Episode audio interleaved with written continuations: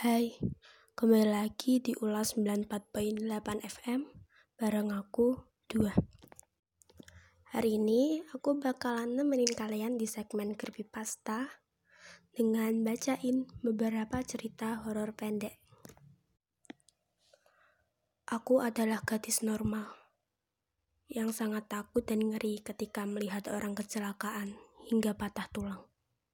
Tapi, aku sangat suka sekali ketika mendengar suara tulang yang dipatahkan.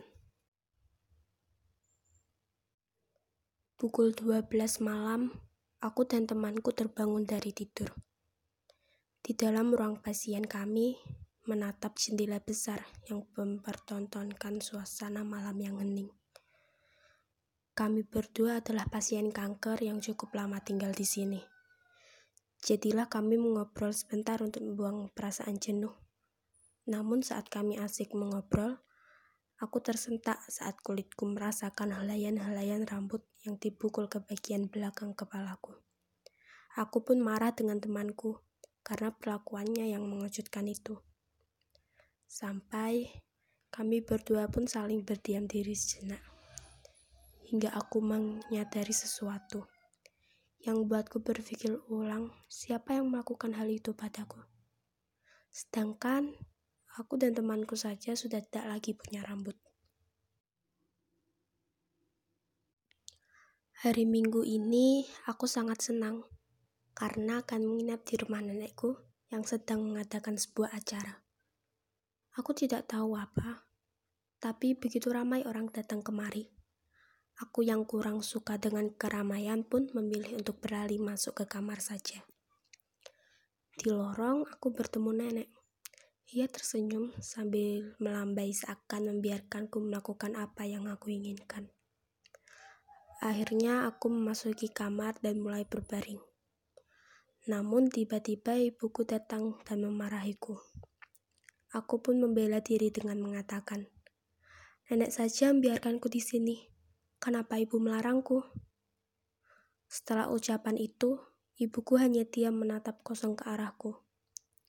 Aku tidak tahu mengapa. Sampai aku sadar jika sejak tadi ibuku menenteng sebuah benda. Bingkai foto nenekku. Aku senang sekali. Hari ini adalah hari ulang tahunku yang ke-8 dan ayah memberikanku sebuah kado berupa boneka porselen perempuan berambut blonde. Ukurannya sangat besar, tingginya hampir sama denganku.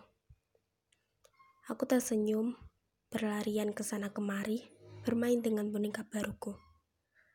Namun aku tak perlu repot-repot menentengnya terus-menerus, karena dia bisa berjalan, bahkan berlari sendiri.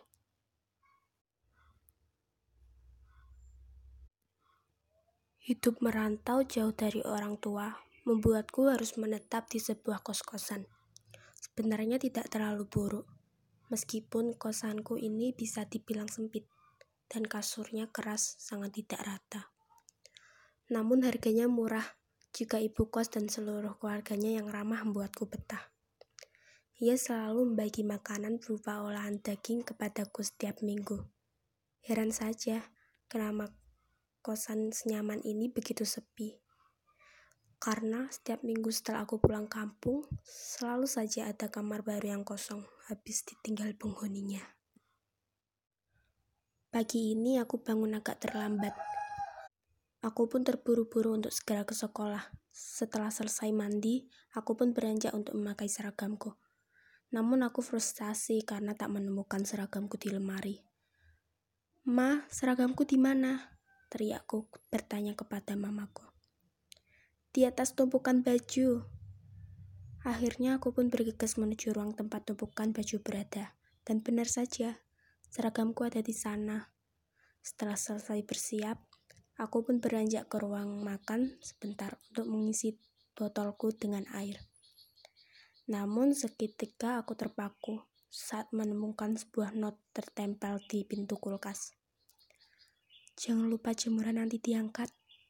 Mama dan papa sedang di rumah nenek dan akan pulang besok lusa.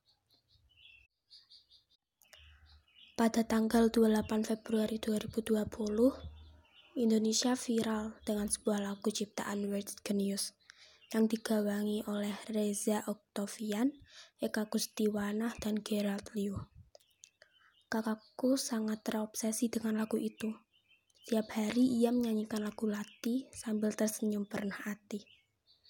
Menerikan setiap gerakan ada pada musik videonya sambil memegang pisau. Berbeda denganku, yang justru sangat membenci lagu itu. Karena aku kehilangan tiap senti dari lidahku setelah kakakku selesai menonton video musik video itu.